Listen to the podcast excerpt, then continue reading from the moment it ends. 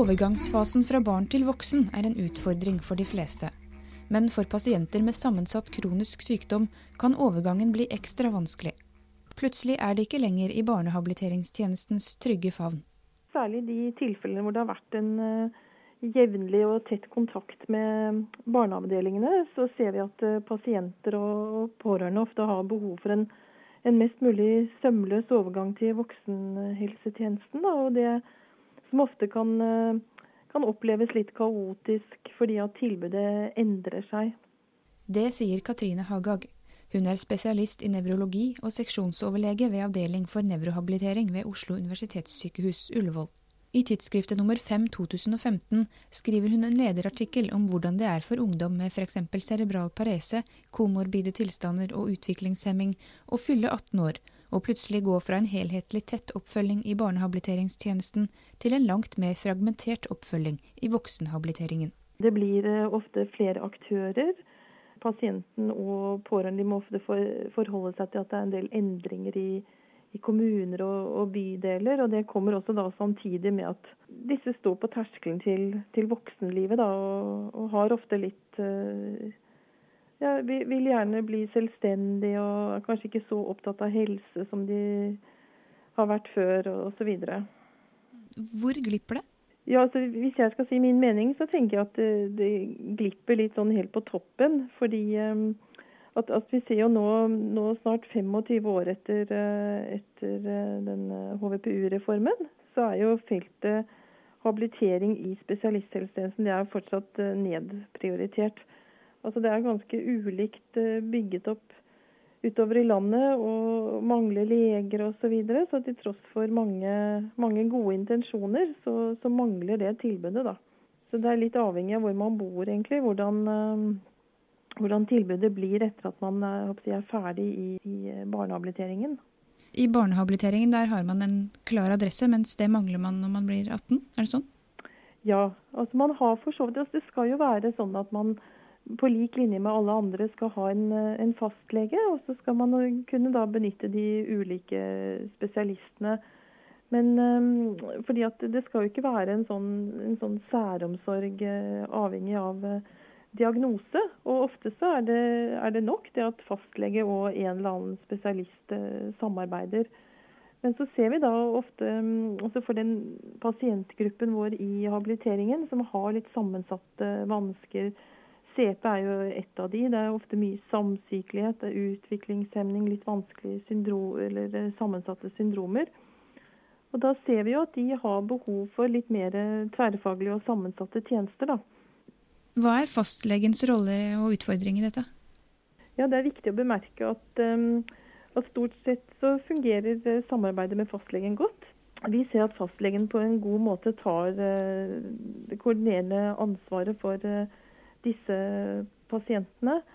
Og står som en slags koordinator mellom um, førstelinjetjeneste og habilitering i spesialisthelsetjenesten.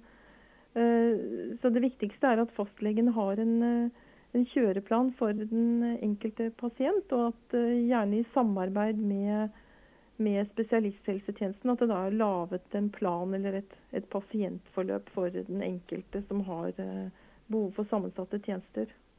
For mange fastleger så har nok utfordringen vært at de eh, rett og slett ikke har blitt kontaktet. Fordi eh, altså Jeg tror mange foreldre har tenkt at, eh, at dette fungerer jo så greit ved å ha kontakt med, med barneavdelingen. De fungerer jo nesten som en fastlege. Sånn at Derfor så har ikke vi behov for å kontakte fastlegen vår. vi, og, og, og, det ser vi jo, eller Særlig for noen år siden så var det jo ofte at folk aldri hadde truffet fastlegen sin.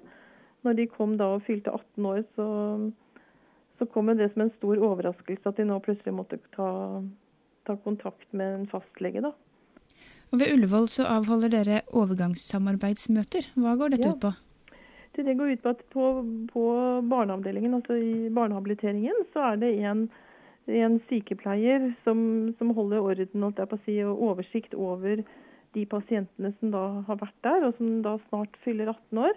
Kaller inn til et møte med voksenhabiliteringen, fastlege eh, og andre samarbeidsparter i eh, førstelinjetjenesten. Og så går vi gjennom da de endringene som, som kommer nå når, når, pasienten fyller 18 år. og Det gjør vi i god tid, sånn at det er mulighet å, å avslutte f.eks. utredninger, bare sjekke at alt er gjort. Og de får også informasjon om det er en del endringer, trygdeytelser bl.a. Som, som inntreffer, sånn at dette er mest mulig planlagt da. Den dagen de fyller 18 år. For det er ganske mye nytt å forholde seg til. Pasientene vi snakker om, de har lovpålagte rettigheter. Hva mm. slags rettigheter har de, og i hvilken grad oppfylles de?